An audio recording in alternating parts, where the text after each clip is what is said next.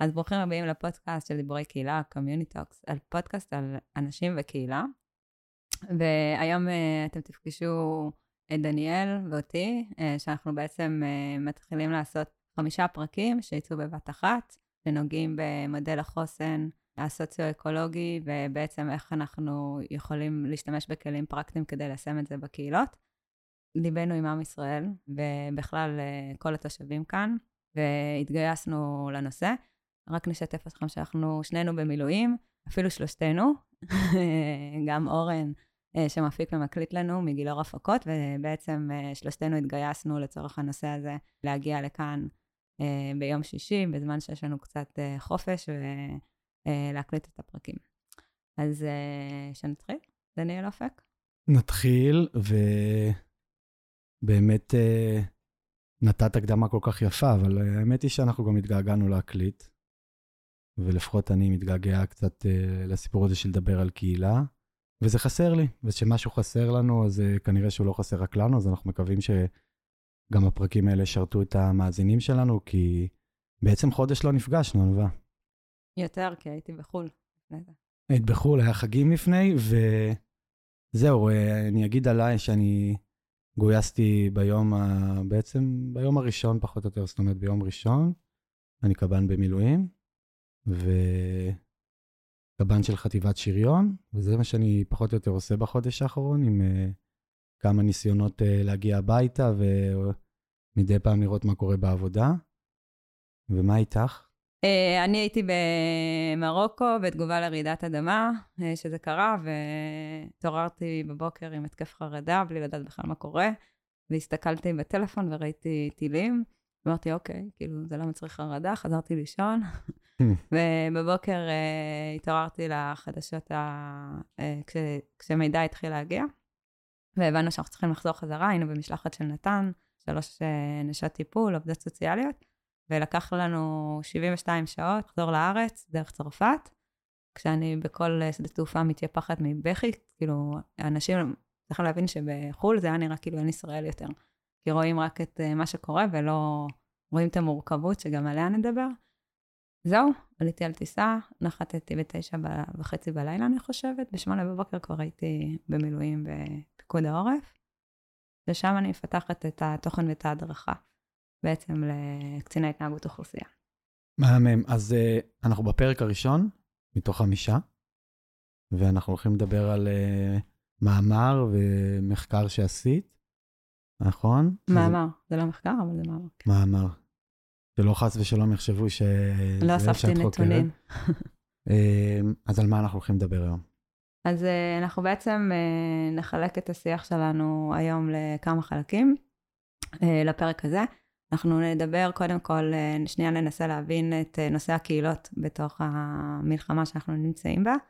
הנושא השני, אנחנו נדבר קצת על טראומה מורכבת ואובדן מעורפל בתקופת מלחמה, ובסוף אנחנו נדבר על המודל החוסן הסוציו-אקולוגי של המאמר, שאנחנו נצרף אותו גם לפרק, והפרקים הבאים יעסקו בכל אחד מהמימדים בעצם של אותו מודל.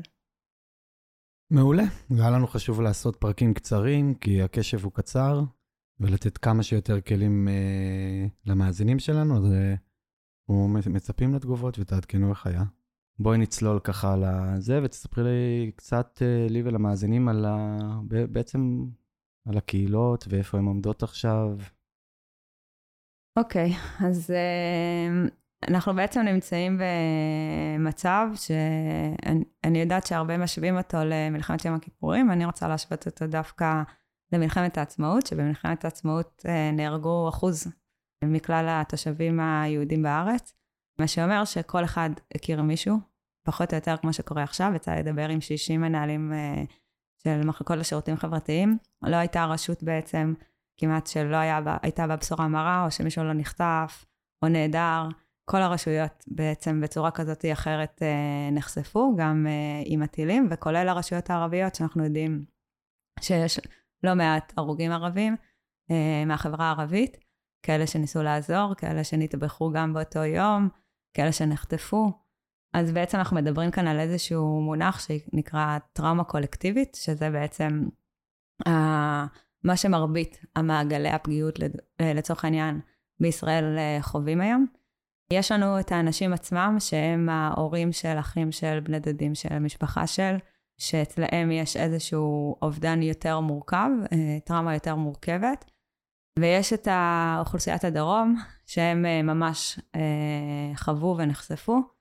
וגם אותה אפשר לחלק לשניים, שזה בעצם הקהילות של המושבים והקיבוצים שיצאו, אמנם לא כולם, חלקם גם עדיין אה, מחולקים בין מלונות באזורים שונים בארץ, אבל הם אה, חיים כקהילה, ויש את הערים שפונו והתפנו, שחיים בעצם גם במלונות בצורה מופרדת, אבל אה, לעומת המושבים והקיבוצים שרגילים לחיי קהילה, שמה אין להם קהילה אורגנית שהם משתייכים אליה, מה שמביא לנו בעצם איזשהו אתגר נוסף בתוך ההתערבויות.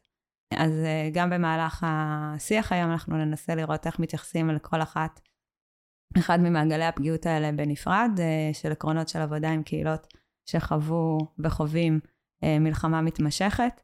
אז זה ככה החלק הראשון.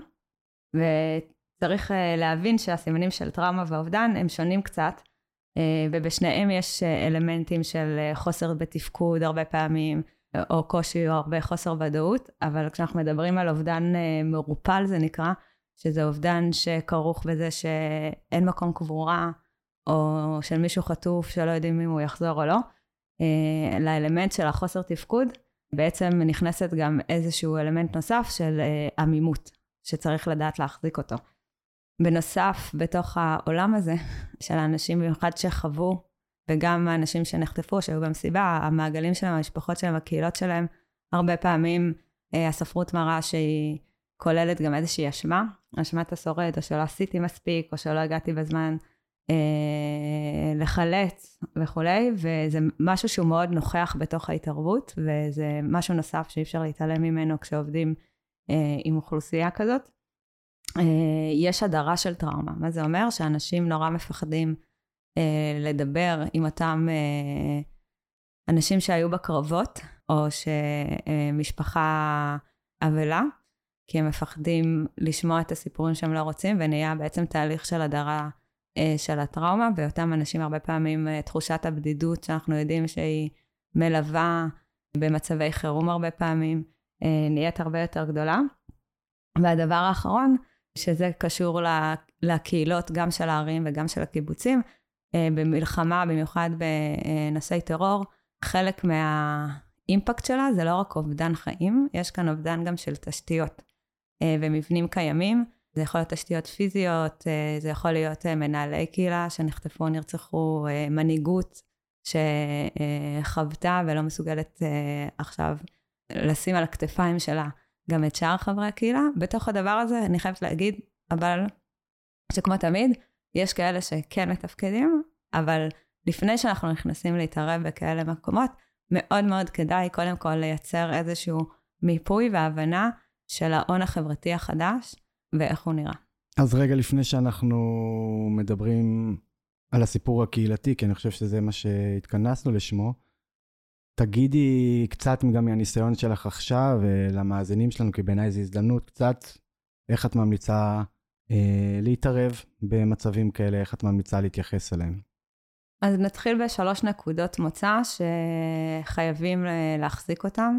אחד, זה שהדרך התערבות שלנו תהיה ללא שיפוטיות, כי כל אחד יש לו את הדרך אה, שלו או שלה אה, לאבד כזאת חוויה, והרבה פעמים כאנשי מקצוע אנחנו אה, ישר מחפשים את הפתולוגיה או את המקומות הקשים, או להפך, רואים אנשים מתמודדים ואומרים, רגע, איך הם מתמודדים? הם אה, מכחישים את מה שקורה להם, אבל לכל אחד יש את המקום שלו ואת הדרך שלו, וכמו שבטיפול פרטני, אנחנו לא, עם, עם אדם שעבר טראומה, אנחנו לא נדחוף אותו לספר את הסיפור עד שהוא יהיה מוכן, ככה אנחנו גם את הקהילות לא נדחוף לספר את הסיפור עד שהן יהיו מוכנות.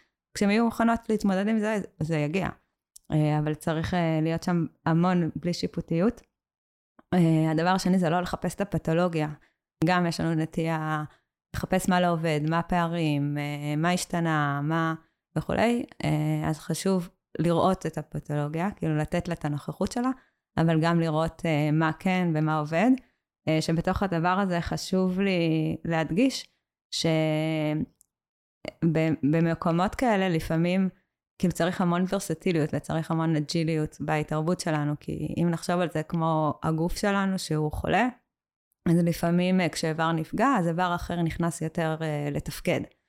אז uh, אנחנו נראה לפעמים uh, אנשים שקשה להם מאוד כרגע לקחת את המנהיגות, לקחת uh, חלק בתוך התהליך הזה, ואנשים שיותר, ולפעמים הם יתעייפו ואנשים אחרים ייכנסו. אז uh, אנחנו בדרך כלל רגילים בעבודה קהילתית לעבוד עם מנהיגות, לעבוד במבנים מסודרים, וכאן אי אפשר לרוץ ישר לחפש את המבנים המסודרים, אלא צריך להיות מאוד גמישים וכל פעם לעבוד עם מי שיש. שהדבר השלישי הוא לדעת להחזיק, וזה מקום מאוד מאוד קשה. כשדיברנו על זה קצת על אובדן, אה, כשנתתי את הרקע על אובדן המעורפל, לדעת להחזיק את הדואליות של בין החרדה, שבין הדברים שעברו לבין התקווה והרצון להמשיך הלאה. אה, ואני חושבת שזה אחד הדברים הכי חשובים לאנשים שבאים אה, להתערב, כי זה גם יכול להפגיש אותנו כאנשים שבאים להתערב אה, במקומות שלא פשוטים לנו, או שאנחנו לא מכירים ונחסום אותם. ואם אנחנו לא נדע להחזיק את היכולת של אותם אנשים, של אותם קהילות, בדואליות של בין האובדן והאבל והשכול, לבין רצון להמשיך בחיים, אז אנחנו בעצם נחסום אותם מלהשתתף, כי הם הרגישו שאין להם לגיטימציה להיות ככה או להיות ככה. מעולה, אז זה גם איזשהו רקע על איך אנחנו צריכים להתייחס לזה. ועכשיו אה, נראה לי נצלול קצת פנימה לסיפור הקהילתי, כי הוא עניין די רציני. אני יכול להגיד עליי שאני חווה אותו גם אה, מהעבודה שלי כרגע בצבא ומיישובים מפונים שאני רואה, מלא מעט יישובים שעבדתי איתם בעבר ובעצם פונו, יישובים שגם חלקם עברו טראומה. ובואו נדבר רגע על איך עובדים כרגע ביחס לכל מה שנתנו רקע עם הקהילות, גם עם קהילות בטראומה, גם עם קהילות שהתפרקו, או המבנים שלהם התפרקו, כמו שאמרת. אז תני לנו קצת את הרקע ונדבר גם על הרמה הפרקטית של זה. אז אנחנו נעבור uh, לפי סוגי הקהילות קצת שהזכרנו מקודם, ונתחיל עם uh, קהילות uh, מערים, שבעצם הם לא מסודרים כקהילה אורגנית, אבל כן נמצאים במלונות, או שפונו. אז דבר ראשון, יש דבר כזה שנקרא קהילת איחוד. מה זה קהילת איחוד? זה בעצם קהילה שחוותה אותו הדבר. שזה יכול להיות אגב גם לא רק באנשים שפונו, אלא אנשים מאותה העיר. אנחנו ננסה לשחזר קהילות לפי, או לייצר קהילתיות, לא קהילות.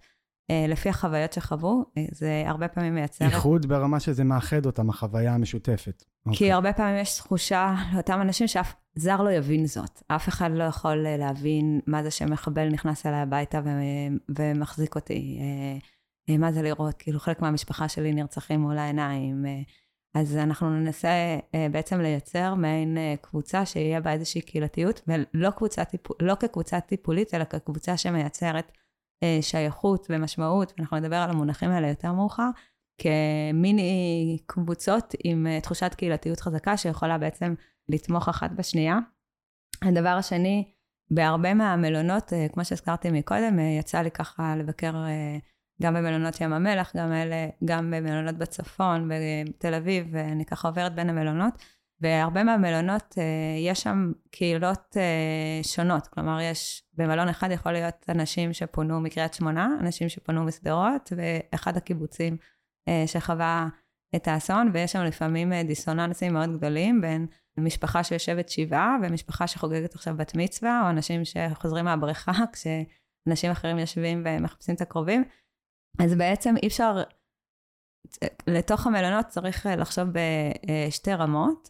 אחד זה רמה של uh, המלון, לייצר אותו בצורה של קהילתיות, אבל הדבר השני זה גם לחבר בין קהילות האם, שזה בעצם uh, יכול לסייע לקהילות, לתושבים שהגיעו מתוך הערים שלא מאורגנים כקהילה, שהם יוכלו לתמוך אחד בשני. כלומר, אם יש uh, שם uh, תושבים שפונו מקריית שמונה, אז החיבור של אנשים בתוך המלון כקבוצה אחת שיכולה לדאוג לעצמה, שיש לה מנהיגות משלה, שיש לה מבנה משלה וכולי. אותו הדבר אם יש שם אנשים משדרות ואנשים מהקיבוצים.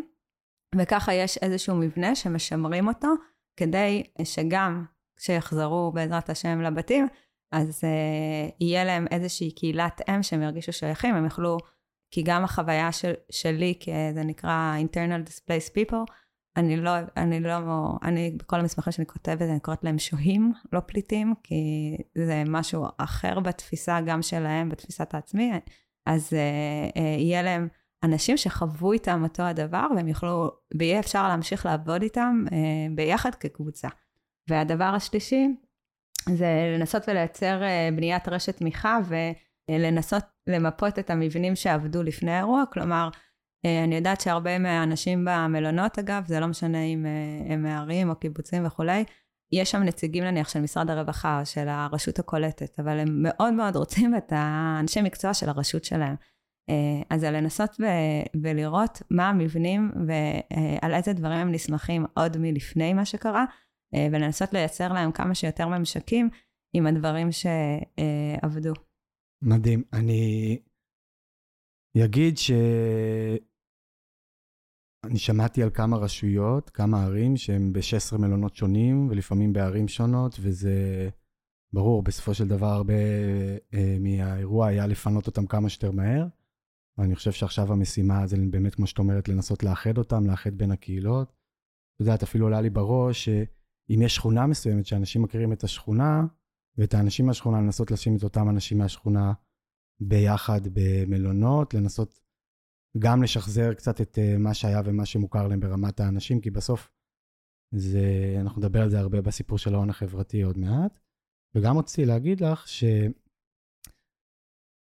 ואת הרי נפגשנו סביב חוסן בקורונה, אז אה, אני אגיד בהקשר הזה של חוסן שיש הרבה חשיבות לבנייה של חוסן בשגרה, ואז אנחנו רואים את זה בחירום, ואני גם מזהה את זה לפעמים מרחוק, אגב, בטח את חווה את זה יותר, על קהילות שהיו אה, חסונות אה, בשגרה ונבנו נכון, וגם ככה ברמת הפינוי, וגם איך שהם היום אה, בעצם אה, מגיבים למצב, וגם את היכולת התאוששות שלהם, ש, שממש כבר מתחילים לראות את זה, שזה מטורף. אז אנחנו ממש יכולים לראות שקהילות שפונו כמקשה אחת, אז החיים שלהם במלון הם אה, יותר מאורגנים, יותר מסודרים, יותר תומכים. קהילות שפורקו, במרכאות או לא, יותר קשה. ודבר נוסף, אנחנו חושבים על קהילה רק על קיבוץ, אבל יש את הרשות, ואין כמעט רשויות שפונו כרשות אחת לאזור אחד. ואז יש גם את האתגר של העובדים עצמם לנסוע מאילת עד לצפון, שזה כמעט בלתי אפשרי לבקר את הכל, אה, למרות שבאמת משרד הרווחה על זה, והוא מגייס עובדים סוציאליים נוספים שיוכלו לעמוד בכל אה, מלון כנציגי אה, רשות, באמת משרד הרווחה באמת, הוא להוריד בפניו את הכובע בצורה שהוא מתפקד באירוע הזה. ועם אנשים שכן יצא לי לדבר איתם, עם מנהיגות, הם מדברים שהם מרגישים שהרשות שלהם נטשה אותם, אבל זה לא שהיא נטשה אותם, היא פשוט נמצאת באזור אחר ומנהלים משם את החמ"ל, איפה שרוב האנשים, אבל מי שלא נמצא לידה, זה באמת תחושה שהם לא רואים אותם בכלל, אה, למרות שהם עובדים מסביב לשעון וכולי. אז אה, אם צריך לחלק מחדש, זה לא רק לפי קהילות אורגניות, אלא זה גם לפי רשויות, אבל גם mm-hmm. לדבר הזה יש אתגר מאוד גדול, כי זה עוד פעם לעקור אנשים ממקום שהם פחות או יותר התרגלו אליו, ובעצם להתחיל לחלק מחדש. אה, ודבר נוסף שנוצר אה, אה, בחלק מהרשויות, בחלק מהמלונות שיש שם את הוורסטיליות של מספר קהילות, אז בגלל תקציבים, בגלל כל מיני הגדרות כאלה ואחרות, יש מענים נניח לרשות X, אבל כל השאר לא מקבלים את אותם מענים, או לא יכולים להיכנס לכיתות לימוד, או לא יכולים... יש שם כן. מורכבות מאוד מאוד גדולה, שגם בזה מטפלים אגב, ו- ואני רוצה להגיד משהו, כל מה שאני אומרת עכשיו, זה אני מציירת תמונה, אני לא באה בביקורת חלילה, ו, וחשוב להגיד שאנחנו נמצאים באירוע שלא מוכר לנו. לא מוכר לא ברמה הלאומית, לא ברמה הממשלתית, לא ברמה הפרטנית, אה, והיה קודם כל צריך להגיב, ולכל, יש דבר כזה שנקרא אה, מעגל החירום, אז, אז יש את ה-24 שעות של, ה, של התגובתיות, ו, ויש את, הש, את השבוע, אני לא זוכרת בדיוק את המספרים, אבל uh, לאט לאט אני חושבת שאנחנו מתחילים להבין את האירוע, ומי הולך להישאר הרבה זמן ומי פחות זמן, ואני מאמינה ש... אני רוצה להאמין שבסוף uh, זה יתארגן. אני חושב שזה אחד הדברים אה, החיוביים בזה שהוצאתם את המאמר הזה, כי יש בו הרבה מהדבר הזה למה אנחנו יכולים לעשות עכשיו. אני אגיד שאתמול התקשרה לי אחת המנהלות מרכזים, מרכז קהילתי של אחת הערים שפונו, והיא אמרה שהיא קיבלה תקציב לעובד קהילתי. אמרתי לה, בראש ובראשונה, תראי אם את יכולה לגייס מתוך היישוב עצמו. דבר ראשון, שיהיה מישהו שמוכר להם, כי זה שיש גם הרבה מאוד גורמים מבחוץ עכשיו שבאים ועושים למען, אה, זה גם איזשהו משהו שצריך לשים לב לזה, כאילו איך אנחנו אה, עדיין מחזקים את הקהילה עצמה, עובדים ביחד איתה, גם להביא אנשי מקצוע מהרווחה האחרים, כמו שאמרת מקודם, זה טוב כרגע למקום הנוכחי, אבל באמת אמרת את זה אה, עוד לפני, שהם צריכים לראות את הרשות שלהם וכאלה. אני מכיר הרבה מאוד רשויות שפשוט עובדי הרשות עברו, בלי קשר שהם גרים עכשיו ברשות, כי לא כל עובד רשות עובד ברשות, פשוט עברו לגור במלונות ביחד איתם, עזבו את המשפחות שלהם, שלפעמים גם תחת uh, טילים, ושם... יהיה לנו פרק עם שרון בראל, שהיא ממש דוגמה לזה. שרון גם זו דוגמה מאוד מאוד טובה לקהילה שפונתה ביחד, ונראה לי שנדבר על זה איתה בהמשך. אחלה, בואי נדבר על מה אפשר לעשות ואיך עובדים עם קהילות היום. אז לפני שאנחנו עוברים לזה, אני, אז דיברנו על הקהילות של הערים, ורק שנייה נלך על הקהילות אה, שחוו אובדן אה, מבחינת הקיבוצים והמושבים, שהם אה, פונו כקהילות אורגניות, ועל ארבעה דברים בעצם של נקודת התחלה איתם, שאחד זה באמת, קצת הזכרנו את זה, אבל מיפוי מחודש של ההון החברתי. עם המון המון רגישות, כן? כי המיפוי המחודש שנקבל, הוא כולל בתוכו גם אובדן וטראומה. אמ, הוא כולל בתוכו אנשים שעשו תפקידים, הם חלק מההון החברתי והם לא נמצאים. לגמרי, לגמרי. והם יכולים גם להיות נמצאים, אבל לא, לא יכולים אה, לשמש עוד באותו תפקיד. כן. אה, גם שם, אגב, אני בטוחה, לא יצא לשמוע, אבל אני בטוחה שיש המון אשמה וכולי, וצריך אה, לדעת להחזיק את הדבר הזה. המיפוי צריך להיות אה, מאוד גמיש ומותאם למבנים ואנשים. מה זה אומר? אה, אני אתן דוגמה ממאמר שקראתי על משפחה מה-9-11, שניסו להחזיר בעצם את המסורות לאותה משפחה, ולילדה הייתה מסורת עם אבא שלו, שכל יום בחמש בערב הוא היה שר לשיר. וכשהם ניסו להחזיר את זה, הם הבינו שהיא לא מסוגלת להחזיק את זה שביום ח... בכל יום בחמש בערב אימא שלה תשאיר לשיר. אז ביחד הם ניסו שנייה למפות איך אפשר לקחת את אותה מסורת בצורה שיכולה להתאים לאותה ילדה. אה, וזה בעצם, אנחנו לא רוצים לשחזר את מה שהיה, כי זה משהו שלא אמרנו, אבל הוא הכי, אה, לדעתי, נכון בעולם, וגם באמת מהניסיון שלי בעולם, אה, בקהילות שחלקן נמחקו ועברו דברים איומים, כולם חוזרים בסוף באיזושהי צורה, כי החיים יותר חזקים מהכל, אבל הם חוזרים מאוד מאוד שונה. גם כאנשים וגם כקהילות. אז גם כשאנחנו מנסים לבנות מחדש את המסורות וכולי, לא להידבק לדברים הישנים, ואם יש דברים שהיו חשובים, אז לראות איך עושים את השינוי, שיהיה נוח לאותה קהילה אה, להכיל אותה. והדבר השני, לראות איך אפשר לפתח מסורות שהן חדשות ומותאמות ויכולות אה, לשמש את הזיכרון של אותם אנשים. אה, מתוך אה, החזקה של הדיאלקטיקה, אוקיי? אה, יש טיפול שנקרא DBT, שזה, שזה בעצם מתוך העולמות של ההתנהגותי-קוגניטיבי, אבל בעצם הוא מדבר על היכולת להחזיק את הגם וגם. אז, אז כשאנחנו מנסים לייצר הרי בבינוי קהילה את המסורות וכולי, צריך לראות איך מייצרים את זה בצורה רגישה שיכולה להחזיק את הדיאלקטיקה. והדבר האחרון זה, בתוך המיפוי, אז דיברנו על הון חברתי, אבל גם לנסות להבין מה עבד ומה נשאר אותו הדבר, ואיזה מעגלי חברים יש גם מחוץ לקהילה, שיכולים לתמוך באותם חברי הקהילה, ואיזה אנשים יכולים אה, לקחת חלק בתוך הדבר הזה.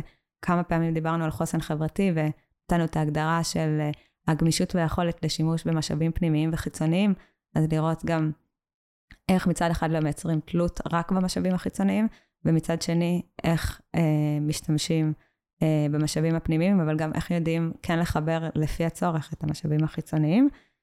והדבר שהכי חשוב לי להגיד אצל כולם, אני חושבת שיש לנו את זה גורף לכל המדינה, יש נושא של אמון. Mm. והאמון הוא... זה שאנחנו פעם ראשונה מדברים על אמון אחרי 20 דקות, זה מפתיע, ל... זה נכון. מפתיע לטובה. נכון, והאמון וה... בעצם אה, נשבר. ואני לא מדברת על רמה פוליטית, אה, אלא אה, אמון שלנו בטוב של האדם, והאמון שלנו בשלום, ודו-קיום, ובהמון המון דברים, לאנשים נשבר אמון. אה, האמון שם, ומה שאומר ש... וזה גם קרה לי בכמה מהמלונות שנכנסנו, האלף-בית וההתחלה והבסיס וכל זה, זה הבניית אמון, כי בסוף, כאנשים שעומדים לעבוד עם הקהילה, ואני לא מדברת על קהילה עצמה, אנחנו מייצגים משהו. אנחנו מייצגים uh, את מקבלי ההחלטות, אנחנו מייצגים uh, uh, מבנים פורמליים.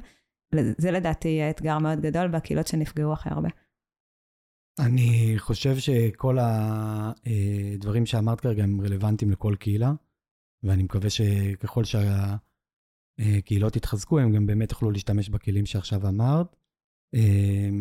אני חושב שספציפית לגבי קהילות אורגניות, כמו שקראת לזה, שפונו ביחד, האינטואיציה שלנו היא או לעשות הכל מחדש, או לשחזר בדיוק את מה שהיה, והגם וגם שאת אומרת עליו, בעיניי, זה, תמיד הרבה יותר קשה להחזיק את הגם וגם, אבל בעיניי זה, זה מה שאנחנו כל הזמן צריכים לנסות, וגם כשאנחנו עושים מיפוי, אז לנסות למפות באמת, ואת שמת את זה פה, למפות את הגם וגם הזה. זאת אומרת, גם מהחיצוני, גם מהפנימי, וזה טיפ מעולה בעיניי. וגם צריך לקחת בחשבון שלא כל חברי הקהילה ירצו אותו הדבר, ויצליחו להכיל אותו הדבר, וחלק ימשכו יותר לשם, וחלק...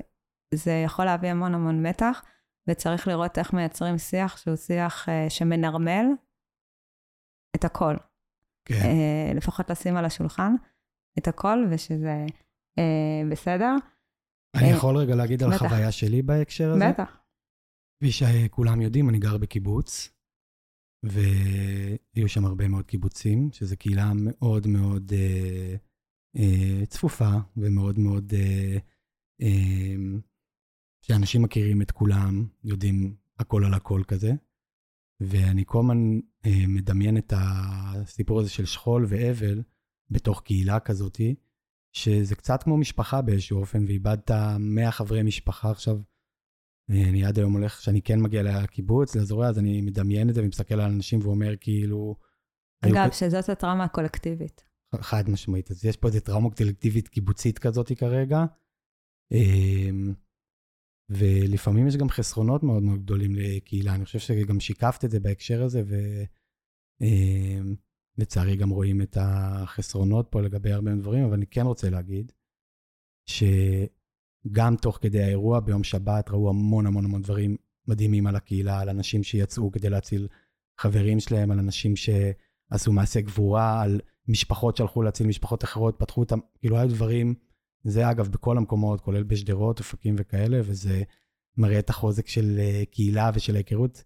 אחד הדברים שאני מספר בצבא, במסגרת התפקיד שלי, בהכשרות שאנחנו עושים לחיילים והמפקדים, זה ששואלים חיילים, או שאלו יותר נכון, למה הם מסתערים. את יודעת למה, מה הם אמרו? בשביל בגלל מה? החברים. בגלל החברים. בגלל מי שלידם. ואני חושב שזה דבר שהוא מאוד חזק וקהילתי, ובסופו של דבר גם מאוד מאוד השפיע על האירוע הנוכחי וימשיך להשפיע. אז אתה במילים האלה מביא אותנו לחלק האחרון, שכמו בטראומה, שיש את ה-growth, את הצמיחה הפוסט-טראומטית, אז אה, גם העבודה עם הקהילה זה הזדמנות לייצר איזושהי צמיחה עם כל המורכבות, וצמיחה פוסט-טראומטית מדברת המון המון על מורכבות, של המבנים, של המערכות יחסים, של המתחים אולי שהיו שם, של מבנים שלא התאימו כבר, אה, ותיקים מול מול חדשים, אנחנו מכירים את כל הסיפורים אה, של קהילות, אה, ו- ובעצם המודל שאנחנו מדברים עליו, המודל הסוציו-אקולוגי, הוא נותן עקרונות מסוימים לעבודה, שמודל הסוציו-אקולוגי בעצם מדבר, אנחנו הפכנו אותו למודל החוסן הסוציו-אקולוגי, חשוב להגיד שאת המאמר כתבתי עם דוקטור כרמית רפפורט, אז המודל הסוציו-אקולוגי עצמו מדבר על היכולת להבין שכל המעגלים שבחיים שלנו משפיעים אחד על השני, כלומר הפרט על המשפחה, על הקהילה, על הרשות, על המובן הלאומי, על העבודה, אוקיי, הכל בעצם שזור אחד בשני, ואם נצליח לעבוד נכון עם הפרט, זה אוטומטית ישפיע על כל השאר. אה, ובתוך המודל הזה בעצם יש ארבע, ארבעה מימדים. שהראשון הוא שייכות, השני הוא משמעות, uh, השלישי הוא תחושת שליטה, והרביעי הוא נרטיב מיטיב. כאן אנחנו נעשה קצת uh, ערבוביה אולי לממדים, כי אין להם uh, באמת סדר, סדר אבל השייכות תמיד ידבר יותר על הפרט, המשמעות יותר על הקהילה, התחושת שליטה אה, אה, די עוקפת, אה, עוטפת את כולם, והנרטיב מיטיב הוא הכי בסוף ברמה הלאומית, אבל הם כולם סזורים, כאילו את ארבעתם אפשר לעשות מרמת הפרט לכל הרמות השונות, ובזה אנחנו נסיים את הפרק הזה. אנחנו בעצם הולכים לדבר על כל אחד מהמימדים, המרכיבים, בכל אחד מהפרקים הקצרים שלנו. אני כן אגיד על זה משהו שזה מעניין, זה מאוד דומה לתפיסת החוסן. הרבה פעמים מסתכלים על החוסן ברמת הפרט, ברמת המשפחה, הארגון, הקהילה וכדומה, וזה ממש אה, שזור אחד בשני, אז... אה, אז אני אוסיף למה שאתה אומר, שכש... זה בעצם מבוסס uh, על מאמר, כמו שאמרתי, שאנחנו uh, נשים אותו, אבל כשכתבנו אותו זה היה לפני המלחמה. ובעצם בדקנו את המודל על מלחמה מתמשכת, שהסקירה הספרותית מראה כל מיני דוגמאות מהעולם, ובסוף יש את איך הוא בא לידי ביטוי באוקראינה עם המלצות לישראל. Uh, וזה היה ממש לפני המלחמה, ובסקירת ספרות, דווקא מה שאתה אומר הוא נכון ולא נכון, כלומר טוענים את זה, אבל אין מחקרים שבדקו את, uh, את ההשפעה של כל מעגל באמת אחד על השני. כאילו בתיאוריה כתיאוריה זה נאמר, אבל כפרקטיקה של לבדוק איך עושים את זה. כמו שאנחנו מכירים גם מעולם הקהילה, שכל פעם, אז מדברים על שייכות, אז מדברים רק על שייכות. כשמדברים על משמעות, מדברים רק על משמעות, ובעצם לא עושים מספיק את החיבורים האלה. אה, היה לנו גם לא מעט פרקים בנושאים האלה, אז uh, אני זוכר גם, וגם קצת עברתי כרגע, כאילו לפני על החומרים, למשל, כשדיברנו על שייכות, אז הרבה פעמים אה, שאנשים הגדירו לנו פה שייכות, הם הגדירו קהילה. זאת אומרת, גם הרבה מייחסים לזה כאילו, אוקיי, זה הדבר הכי חשוב, זה הדבר העיקרי, ואת בעצם, מה שאת אומרת, החיבור ביניהם, הממשקים ביניהם, ועל זה בעצם אולי, כאילו, על זה נדבר. גם של המעגלים וגם של הממדים. גם המעגלים וגם, מדהים. טוב, אז אה, נגיד שלום לכולם, שסיימנו עוד פרק של דיבורי קהילה, ואנחנו מזמינים אתכם להמשיך להאזין, אמרנו, אנחנו מעלים את כל הפרקים ברצף. אה, ודברו איתנו, תגידו לנו איך היו התגובות, נשמח לשמוע כהרגלנו, וכמובן אנחנו נמצאים בכל הפלטפורמות וממשיכים לעדכן בטלגרם, אה, נשתים את הקישור כהרגלנו, הקבוצת וואטסאפ שלנו עובדת מדי פעם שאנחנו מעלים פרקים. אה, stay tuned, וכן להגיד שיש לנו, בעצם הולך להיות לנו מאמר בחודש. התחלנו את זה לפני המלחמה ואנחנו מחזירים את זה, ובעצם המאמר הראשון יהיה המאמר שענווה וכרמית כתבו על המודל הסוציו-אקולוגי, ושם תוכלו למצוא יותר הרחבה על מה זה אומר. גם בלייב וגם אחר כך דרך יוטיוב אה, שנעלה את זה כאיזשהו אה, הקלטה. אז אה, נתראה בפרק הבא.